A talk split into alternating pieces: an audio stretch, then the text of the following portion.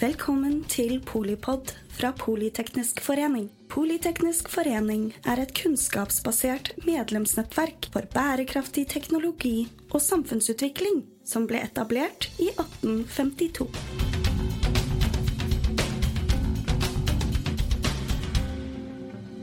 Hvordan blir man et godt styremedlem? Vi har med oss et fantastisk panel nå også. Vi har med oss Trine Skei Grande, tidligere kulturminister, nå bærekraftsdirektør. Ingar Bentsen eh, eh, har 30 styreverv, det er for mange, så det var vi enige om. Eh, og altså administrerende direktør i en grunnfabrikk som heter The Factory. Simone Møgster, eh, eier, styremedlem og eh, fagansvarlig i Family Business. Norway. Norway. Ja. Som er en forening for familiebedrifter. Ja, det kommer vi også litt tilbake til. Dere representerer ulike sektorer, ulike eierskap, kjennskap til ulike eierskap, og også fra ulike faser i en, et bedriftsliv. Det blir det et spennende perspektiv av. Trine, eh, du eh, kjenner jo eh, kultursektoren godt, og de statlig eide bedriftene godt. Hva vil du si er et godt styremedlem fra det perspektivet? Nei, det, når man setter sammen sånne styrer det, Lisa, du skulle spurt meg. For det var jeg som satt med NRK-styret og sånn. Um, og styreleder i et statlig styre har nesten ingenting med oppnevnelse å gjøre. Uh, styreleder har bare makt i å si til kulturministeren at den og den funker ikke så bra. Så det syns jeg ikke er noe god idé at de får fortsette. Det er den største makten en styreleder i et statlig eh, styre har. Eh, Det man bør gjøre hvis man skal inn i en type statlige ting, er jo å sende CV-en sin til departementet og si at eh, dette er kompetansen jeg har, og, og hvis dere er interessert, så er jeg interessert i verv på dette feltet. Og, det, og da er vi kjernen hva som er forskjellen. For forskjellen, du må skjønne hvor makta kommer fra. Jeg sitter i styret i Gyllendal. Der kommer makta fra familien Must. Det er dem som er i Gyllendal. Eh, Det er, liksom, det er soleklart hvor makta ligger hen. Eh, Sitter du i styret i NRK eller i Nationaltheatret, så er det fra den politiske makta utgår. Det er en helt annen måte å jobbe i styret på. Fordi at du må ha en forståelse for at hvem er oppdragsgiveren din. Oppdragsgiveren min i styret i Gyldendal er familien Must som, og dem som er aksjeeiere. Oppdragsgiveren din når du sitter i styret i NRK, er at du skal på vegne av det norske folk få en allmennkringkaster til å fungere ut fra de politiske målene et storting har satt. Eh, Det betyr at det er kulturministeren som er oppdragsgiveren din, men det er folket som er eieren din. Og du må ha en forståelse for at det er folket som er eieren din, eh, og at makta på en måte kommer nedenfra, i forskjell fra et ASA der makta kommer ovenfra. Så det er to helt forskjellige måter å jobbe i et styre på.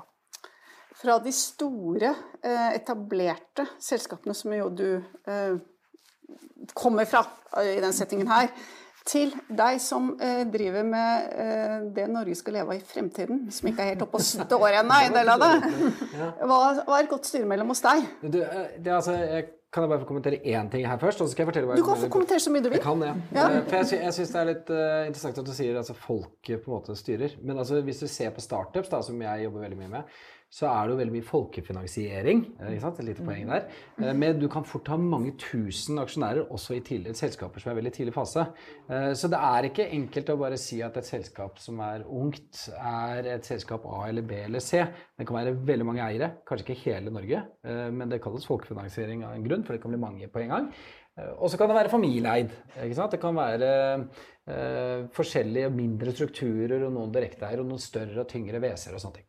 Så hva er et godt styre, altså styremedlem? Det er jo egentlig liksom hvor langt er et lerret og så videre. Det, jeg vil si at i en selskap i tidlig fase så vil du gjerne ha Og det var derfor jeg syntes det var så spennende å høre det første panelet. eh, For jeg hadde så mye gode poenger, og så hadde jeg så lyst til å si noe hele tiden eh, på det. Du skal få lov til det etterpå. Ja, takk. Vi kan ta en sånn liten sånn det er bra.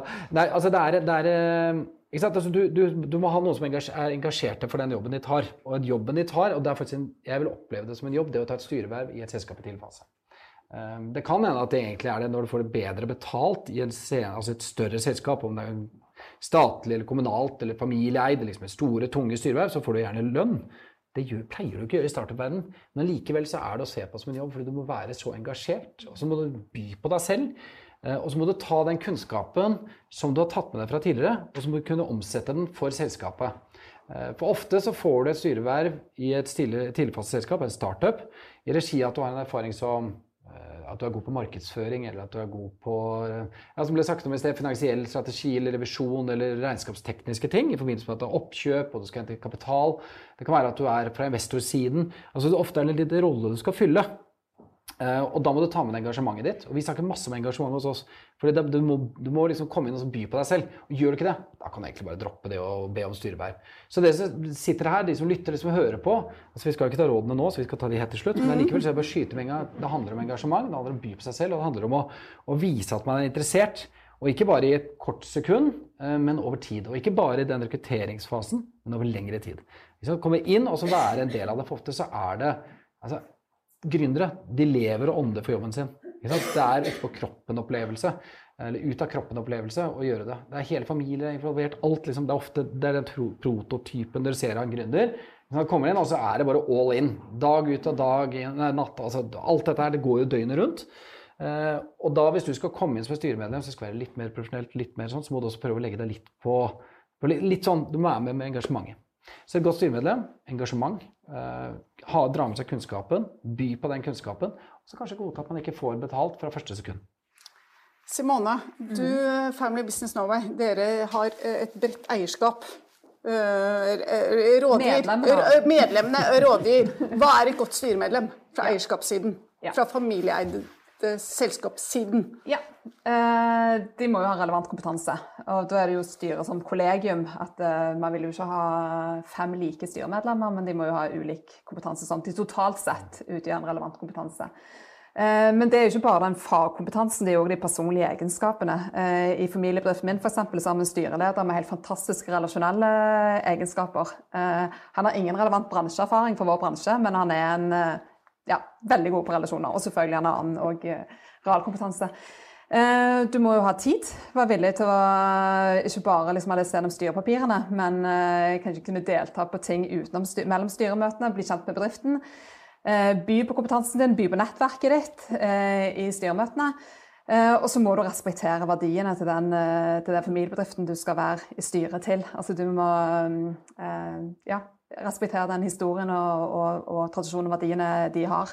Eh, Vi, har jo, vi lever jo i liksom dilemma med vi ønsker kontroll, så vi må balansere med likviditet og, og vekst. Sånn hvis du har et styremedlem som, eh, som eh, ønsker kraftig vekst og, går for, og ønsker å få til en børsnotering, mens du har en familie som ønsker å beholde 100 kontroll, så vil jo det være en utrolig ja, en mismatch. Så man må, må være eh, omforent om de, med de verdiene og, som bedriften har. Ja, altså Dette her er jo, kjenner jeg meg veldig godt igjen i. i eh, oppstartsbedriftene. Altså, det handler jo om som du sier, verdier. Altså, det handler jo Skal man dra et selskap i retning av børsnotering, eller skal man dra det i retning av oppkapitalisering gjennom større investorer, mindre investorer, crowdfunding eller folkefinansiering? Altså, det er så mange forskjellige ting eh, som man må ta inn i det. Så jeg gleder meg til å høre litt mer om hvordan det er i NRK-styret. altså, jeg skal jo si at For min egen del så har jeg altså, Du nevnte 30-talls styrer. Det, det er vel å merke mange av de som er interne selskaper. Og så er jo dette en del av jobben min.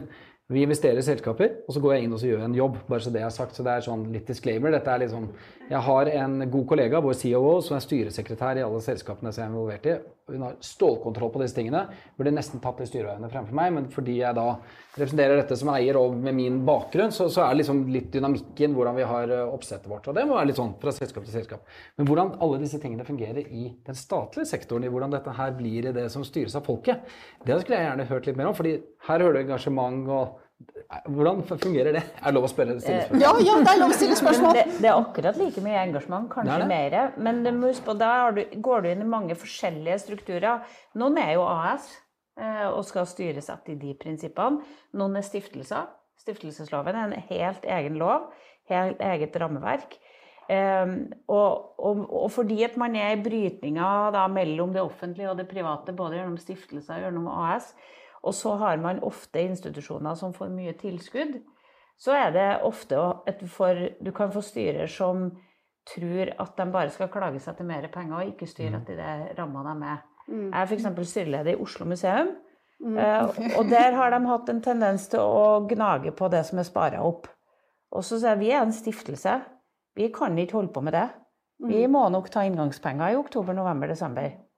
Eh, fordi at vi skal forholde oss til stiftelsesloven. Eh, mens tradisjonen i organisasjonen er litt sånn bare vi klager høyt når de hører oss på, på rådhuset, så går dette bra. Nei, vi kan ikke planlegge ut fra det. Eh, så, så det å ha den der forståelsen av hvilken struktur du er inne i, hvilket mandat du har fått, og hvilket handlingsrom du har fått, er ganske viktig når du får offentlige styreverv. Eh, For det er en helt annen, ja, en helt annen oppgave da, enn når du i et AS skal du skal finne formålet, du skal drives med hjertet inn i det òg, men du skal også sørge for at verdien i selskapet øker. Ser jeg som hovedoppgaven. Mye enklere enn når du er satt til å forvalte en stiftelse som skal forvalte et, et politisk mål, da, som f.eks. å være allmennkringkaster, som er en annen oppgave. Da. Ok, Jeg er helt by accident fått et styreverv eh, via nettverk. Eh, noen som bare rekrutterte meg inn. Det tror jeg ikke noe på, men Men jo, jo, det har skjedd. Ja. Eh, hvor begynner jeg eh, du fra statlig eierskap og kultur. Du fra mm, oppstart, og du fra familieeide. Hva, hvor, hva begynner jeg med? Du begynner med å skjønne hva det er for noe selskap du skal inn i, og hvilke rammeverk det har, og hvilket handlingsrom, og hvilket lovverk man faktisk skal forholde seg til. Eh, Så, så det, Lovverk høres jo litt sånn kjedelig ut, da. Nei, Jeg, jeg skjønner at det er viktig, Nei. men altså, hvis du skjønner, hvis du har fått det Ja, ja. første altså, Nei, men Lovverk høres men du, veldig Ja, men du må skjønne om du sitter i et stiftelsesstyre eller et AS, eller om du sitter i et annet, f.eks. et kommunalt foretak. kan du jo Mm, mm. Helt ulike lovverk. Og hvis du ikke har den forståelsen av hva de lovverkene er, så kan du komme i trøbbel, for å si det sånn. Og så må man skjønne at eh, Ja, jeg bruker å si et veldig godt ledelsesprinsipp. Det er problemer oppover, gleder nedover. Det er sånn du skaper sunne organisasjoner i alle, alle du kan tenke deg. Og det er den der forståelsen av at eh, du hvis, hvis man er ute og kjører, så må man bygge allianser oppover, ikke allianser nedover. Det mener jeg er en sånn veldig bra test. at man skjønner at, eh, at eh, sitter man i styret i NRK, merker at drifta er ute av kontroll, da er det kulturministeren du skal ringe. mm, mm. Altså, det, du må skjønne at problemene må oppover ganske fort eh, for at du skal klare også å lage løsninger på det. Så det å ha denne forståelsen av strukturen du er i, og forståelsen av eierstrukturen du er i, er kanskje det første jeg hadde begynt på med å prøve å, å lære seg. Ok, jeg har by accident fått et styreverv hos deg. Ja, men altså, men jeg tror egentlig det er egentlig samme spørsmål, bare igjen litt på andre nivåer. Altså, Da er det kanskje ikke kulturministeren du ringer, men det er heller gründeren. Eh, Det som ofte dessverre er litt av situasjonen, er at ofte gründeren er både dagleder og styreleder. Eh, En klassisk start i et oppstartsselskap som veldig mange her sitter og rister litt på hodet og tenker at eh, er det virkelig sånn? Men det er det alltid. Og ofte så har du en onkel eller tante eller fett eller kusine eller bestekompis eh, som kommer inn er første styremedlem. Og så begynner du allerede der liksom å få litt utfordringer. Så hvis du kommer inn som første eksterne styremedlem, så er det første du må finne ut hva, hva, hvordan er setupet. Hvordan er det egentlig dette ser ut? Og hvordan skal jeg forholde meg til eiere? Hvordan skal jeg forholde meg til ledelsen? Hvordan skal jeg forholde meg til ja, rett og slett de andre rundt meg, også i styret? Eh, Så det er noe med at du må, jeg er enig, du må liksom sette deg inn i og finne ut hvordan er det dette her ser ut. Hvem skal jeg ringe til, eh, og hvordan skal vi se, se på disse tingene. Men det, det skaper jo også litt sånn utfordringer når samme person er hovedaksjonær, styreleder og daglig leder, eh, og selskapet er i veldig tidlig fase, og man kommer inn og skal liksom Jeg har mitt første styreverv, eh, nå skal jeg virkelig vise denne gjengen hvordan man skal sette opp dette styret. Da tar det halvtime, tre kvarter, og så er du ute på gaten igjen. Altså, det er litt sånn, så man må være litt forsiktig, selvfølgelig, men altså igjen eh, da, det, det handler om å snakke, ha god dialog, ha en god kommunikasjon, vise engasjement, som vi snakket om i sted, og ikke minst være til stede eh, og delta på styremøtene og i styremøtene. eh, Komme inn i bedriften, delta på lunsj, snakke med folk. Altså, vi har jo våre styremedlemmer i de forskjellige selskapene våre. eh, De kommer gjerne inn til oss og deltar og møter og snakker og er til stede. Så våre, altså mine kollegaer vet jo godt hvem som sitter og styrer i selskapene våre. Eh, De kjenner de på ansiktet, de vet hvordan dette fungerer. Så det er litt sånn, vær litt til stede. Eh, Men ja, viste vei opp og ned. Det er helt klart. Skjønner hvor man er. Simone, jeg har fått eh, styreverv hos Ja. en familie, en stort familiebedrift i Norge. Så ringer jeg til deg og så spør jeg, hva gjør jeg nå? Jeg jippi jippi, jeg har fått styreverv, men hva gjør jeg? Ja. Hvis ikke bedriften inviterer deg til en onboarding, så ville jeg hatt tatt initiativ til en onboarding. Altså Du ble, fikk en dag med daglig leder, kanskje òg andre i ledergruppen. Du blir bedre kjent med, med styret. Hva, hva, kan jeg forvente i den onboardingen? Det er å bli bedre kjent med, med bedriften. Sånn at du vet du kjenner til produktene, tjenestene, eh, hva er de største utfordringene, hva er driveren i bransjen. Eh, ja, mm, så du, mm. du, kjenner godt til nå-situasjonen. Eh, og så ville jeg òg eh, hatt en samtale med styreleder på Thomasmoen. Hva, hva, har du å forvente? Det er jo en historikk. at Du kan komme midt i noen, midt i noen prosesser. Eh, så vite, er det, er det, noe jeg bør vite om dette styret når jeg kommer inn, i dette styrevervet? Det er noe jeg bør vite, noen aktuelle saker som dere er midt inni. Som jeg bør vite historikken på. Um, jeg skal et eksempel som ikke er for familiebedrift, men eh, jeg satt i seks år i styret i Redningsselskapet, så det er jo en humanitær mm. organisasjon. Der starta vi med et eh, styreseminar over to dager når vi var nye styre. styret. Og vi fikk, fikk, oversett masse dokumentasjon av instrukser og styrehåndbok, og de hadde, de hadde mye, mye dokumentasjon. Men det å starte med sånn to dagers styre, styreseminar var en veldig fin måte å komme inn i, komme inn i den organisasjonen på. Jeg kjenner rederibiten godt, men de andre tingene de holdt på med, var jo helt uh, var jo nytt for meg. Så det, det gjorde jo at vi fikk liksom en god start eh, samla som et styrekollege.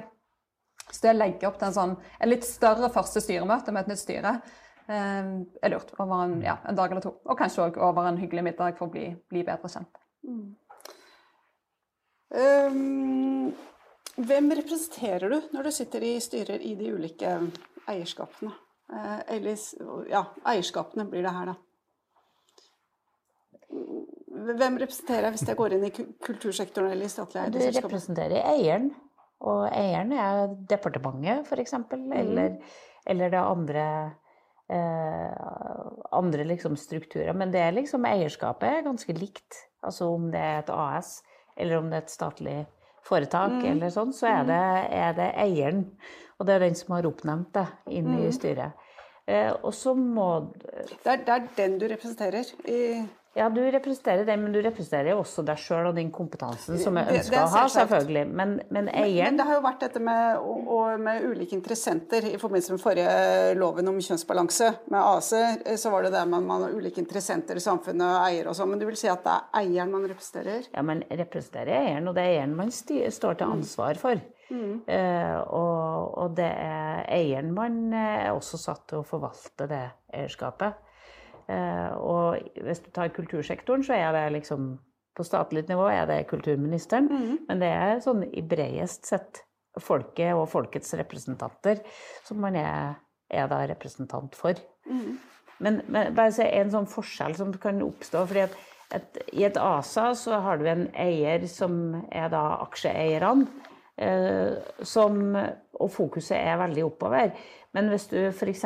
blir styreleder på Nationaltheatret, så er det en dimensjon som ikke er der eh, hvis du sitter i et ASA-styre. Det er at mytteri blant de ansatte har en verdi. Um, hvis, hvis de Gyldendal-ansatte syns at vi i styret er på trynet, så er jeg ikke så bekymra for det. De kan slutte. Mm. Uh, men er du styreleder på Nationaltheatret, og den gjengen som spiller på Nationaltheatret, finner ut at du er fullstendig på trynet, og, og lager opprør, så er du ute og kjører på en helt annen måte enn du vil være i et AS. Fordi da vil kulturministeren få et trykk på seg eh, på at du ikke gjør jobben din, og da er det 50-50 om det går bra eller ikke. Ja, det er ikke så veldig gode odds. Nei. så, så det, du, du, forvalter noe på en annen måte. Jeg, tilbake til, jeg er styreleder i Oslo museum. Oslo museum har veldig mange eh, veldig idealistiske politisk radikale ansatte. Mm. Det kjemper jeg ikke imot. nei, nei, nei. Jeg må være på lag med dem, sjøl om noen av dem syns at jeg er en borgerlig avviker. Så, så, så, må vi være på lag. For jeg vet at det, så, det at vi klarer å bygge et lag med, de, med nedover, er, er, viktigst for meg til å kunne utøve styrevervet mitt. Jeg kan ikke kjempe mot det.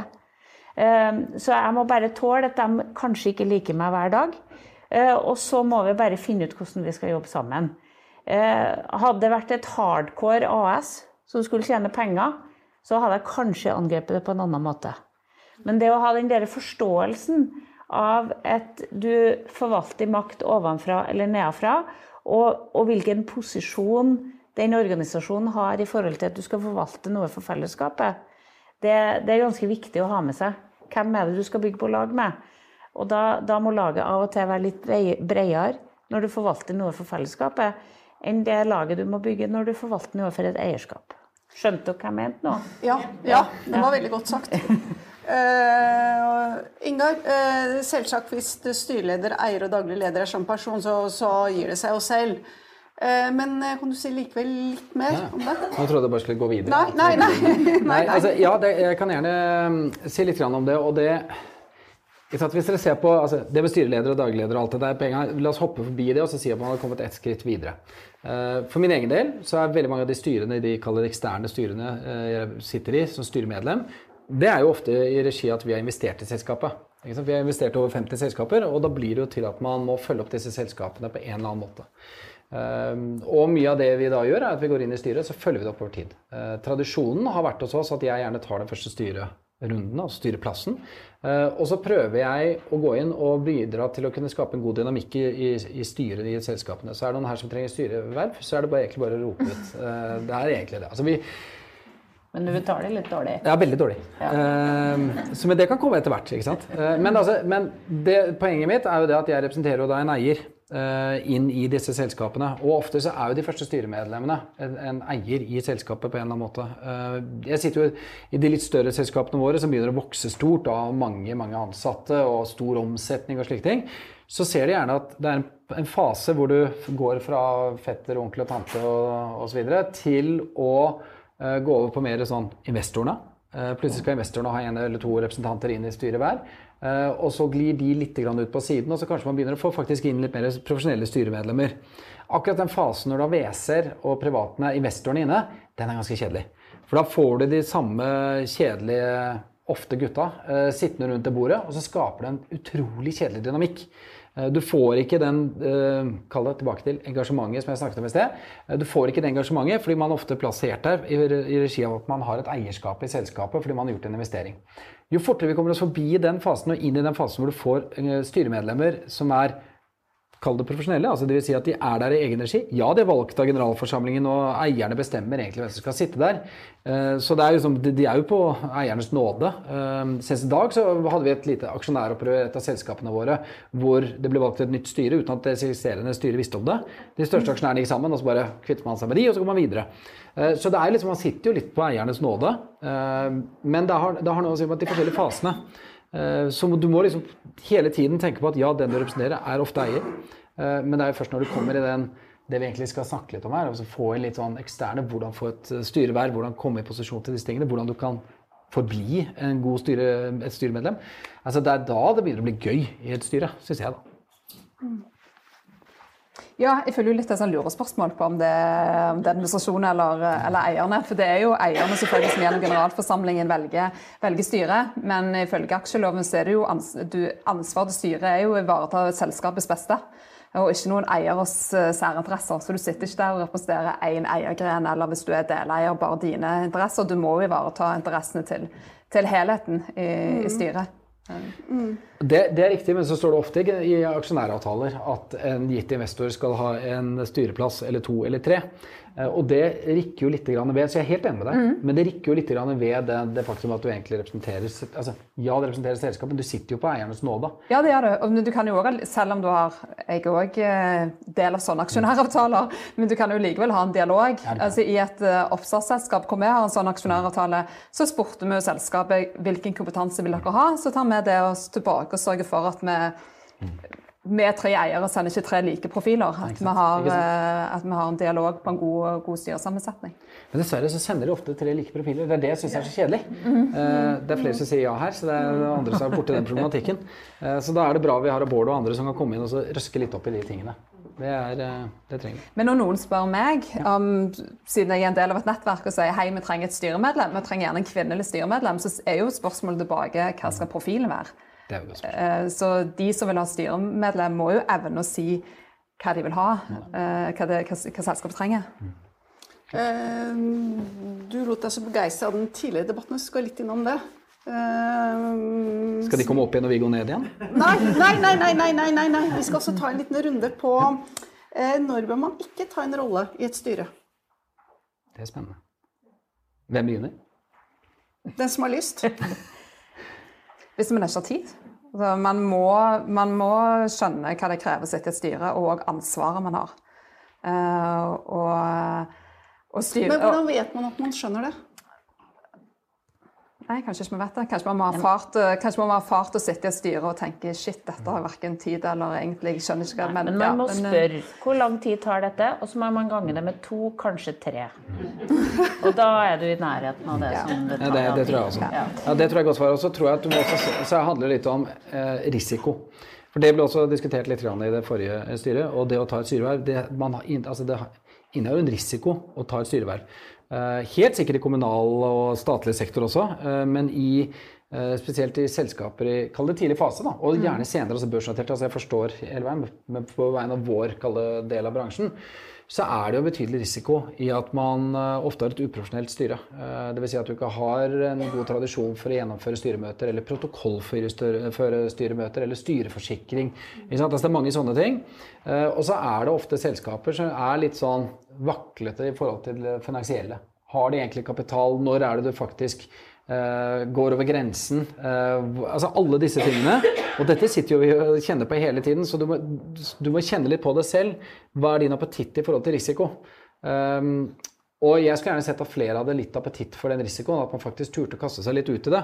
Eh, For det er lov å fratre underveis, eh, og det er lov å og få krevd at ting skal protokollføres, at du skal få inn ting som gjør at du selv sitter litt tryggere i det hvis du føler at ting går på tvers av det du egentlig mener. Altså, dere skjønner. Eh, Så det handler litt om den der dynamikken. da. Eh, Så risiko, eh, det må du kjenne på i forkant, altså. Eh, Og så, og så tror jeg at hvis du skal liksom ha dine første verv, så tror jeg jeg hadde valgt litt styreleder.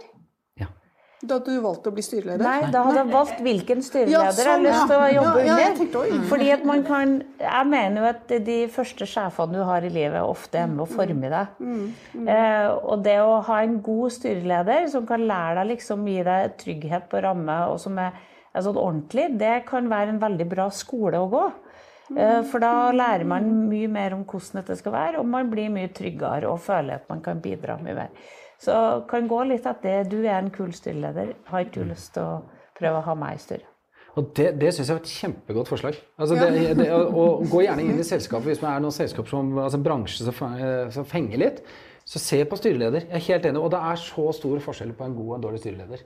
Altså det er, nå har vi heldigvis fått en ordentlig dyktig styreleder hos oss, som jeg har en kjempedynamikk med. og Han er på kontoret vårt flere ganger i uken. og Han er liksom som en sparringspartner. Fungerer veldig veldig bra. Ikke sant? Som drar selskapet i riktig retning. Men det å komme inn i et styre hvor du har en styreleder som er helt altså, Du lærer jo det òg, men det er ikke like morsomt. Eh, Men ja, det er ikke det. veldig Det fins faktisk gode og dårlige sjefer også. Ja, det gjør det. Ok, Vi skal avslutte med tre råd fra dere òg. Ja, Tre råd for da hvordan skulle bli vi et ha godt sittet og styremedlem. tenkt på det mens vi satt her. Ja.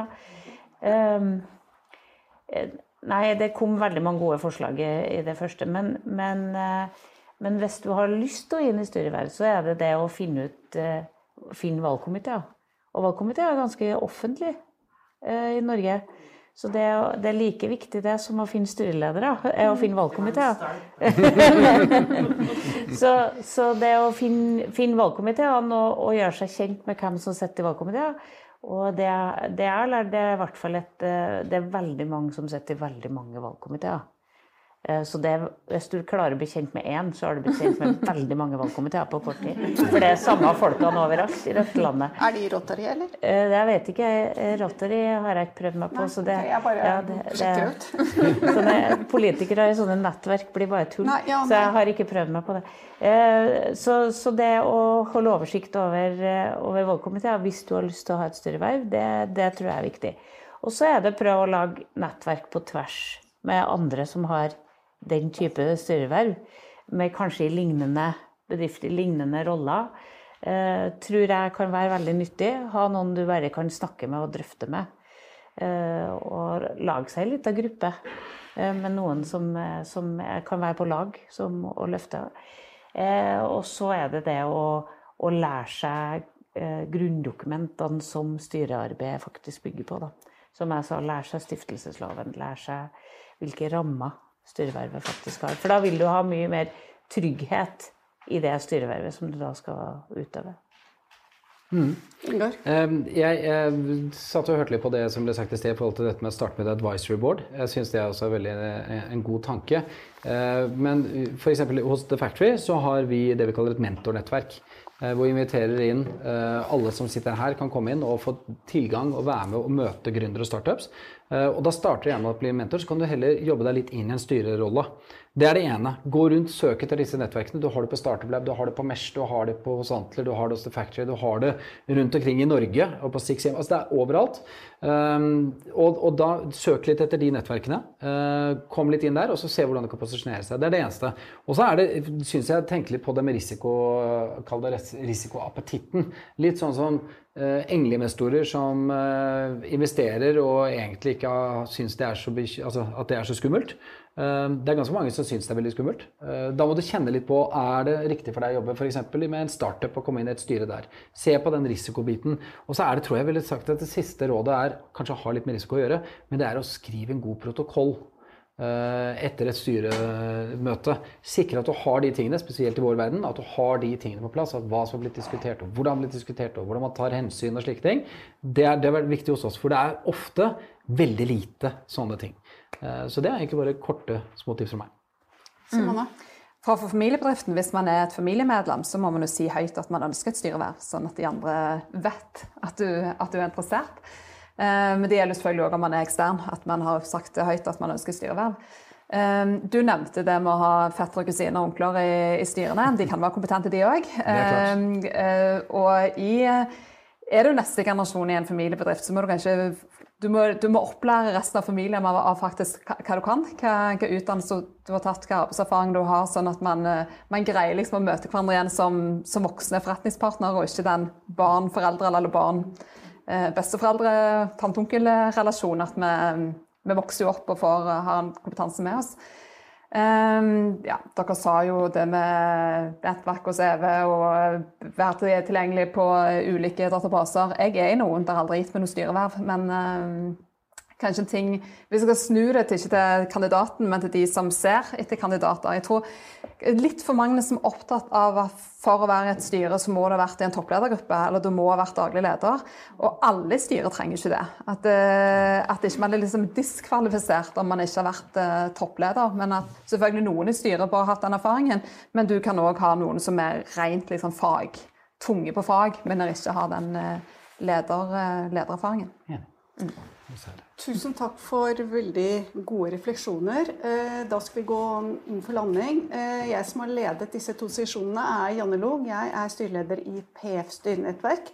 Og vi som har satt sammen disse panelene, er Mette Vågnes Eriksen, generalsekretær i Politeknisk forening, og undertegnede. Og jeg er så stolt! Takk for at du lyttet til Polipod fra Politeknisk forening.